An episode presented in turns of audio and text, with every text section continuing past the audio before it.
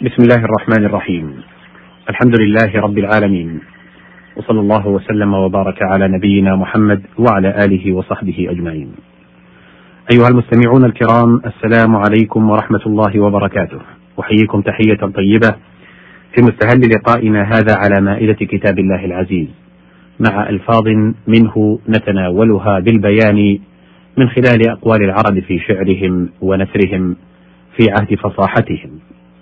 والمقام متوقف عند مادة اللام والميم والميم. وذلك قول الله سبحانه وتعالى في سورة النجم إلا اللمم.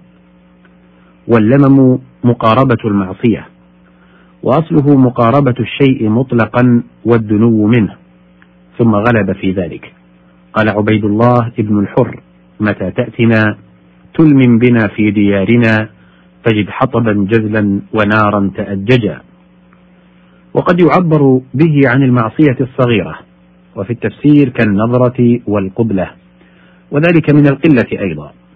ومنه زيارته لمام أي قليلة قال الشاعر فريشي منكم وهواي معكم وإن كانت زيارتكم لماما. وقوله تعالى وتأكلون التراث أكلا لما أي جامعا. من لممت الشيء ألمه ضممته لما فالتقدير ذا لم. وفلان لا يأتينا إلا لماما أي حينا بعد حين. وقال أمية بن أبي الصلت إن تغفر اللهم تغفر جما وأي عبد لك ما ألما وعن أبي صالح سئلت عن قوله تعالى إلا اللمم فقلت هو الرجل يلم بالذنب ثم لا يعاوده. فذكرت ذلك لابن عباس فقال لقد أعانك عليها ملك كريم. وقال ابن عرفة اللمم عند العرب أن يفعل الإنسان الشيء في حين لا يكون له عادة. واللمة ما بلغ الشعر المنكبين. سميت لأنها ألمت بالمنكبين فإذا زادت فهي جمة. ورجل جم فإذا بلغت شحمة الأذن فهي وفرة. فأقله الوفرة ثم اللمة ثم الجمة. واللمة بالفتح الهمة تقع في القلب وهو أحد الأقوال في قوله إلا اللمم.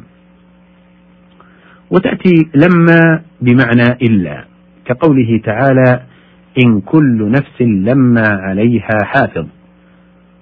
قال الشاعر قالت له بالله يا ذا البردين لما غنست نفسا أو اثنين. اللام والهاء والباء.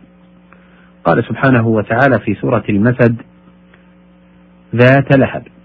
اللهب اضطرام النار. واللهب ما يبدو من اشتعالها. وفرس ملهب شديد العدو تشبيها بالنار في سرعتها.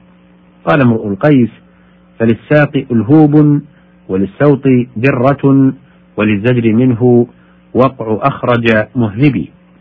فالألهوب العدو الشديد. واللهاب الحرارة التي يجدها العطشان.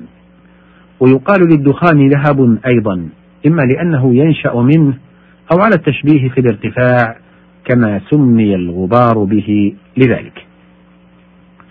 اللام والهاء والواو. قال سبحانه وتعالى في سورة العنكبوت وما هذه الحياة الدنيا إلا لهو ولعب. اللهو الشغل عن مهمات الأمور.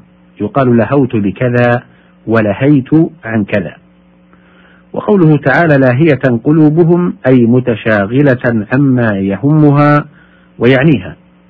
ونسب له إلى القلب الذي هو ملاك الجسد كله.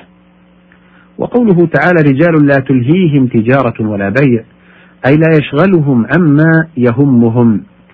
وليس في ذلك ذم للتجارة ولا نهي عنها بوجه من الوجوه. إنما مدحهم بكون التجارة والبيع لا يلهيانهم عن ذكر الله أي مع تعاطيهم لها لا يشغلانهم عن مهمات دينهم. وهذا لا شك أنه أفضل من إنسان لا يتعاطى ذلك ولا يلهيه شيء. وقوله تعالى فأنت عنه تلحى أي تشاغل وأصله تتلحى نزلت في ابن أم مكتوم وكان عليه الصلاة والسلام يقول له إذا أقبل مرحبا بمن عاتبني فيه ربي. وقوله تعالى ألهاكم التكاثر أي شغلتكم المكاثرة بالأهل والمال والولد وكانوا يتفاخرون بأنسابهم وأموالهم. واللهات اللحمة المشرفة على الحلق وقيل هي أقصى الفم. قال الراجز يا لك من تمر ومن شيشاء ينشب في المسعل واللهاء. واللهاء جمع لهات وإنما مدها ضرورة وهو رأي الكوفي. اللام والواو والتاء. قال سبحانه وتعالى في سورة النجم أفرأيتم اللات والعزى. هما صنمان لقريش. قيل كانت لثقيف بالطائف وقيل محلة لقريش.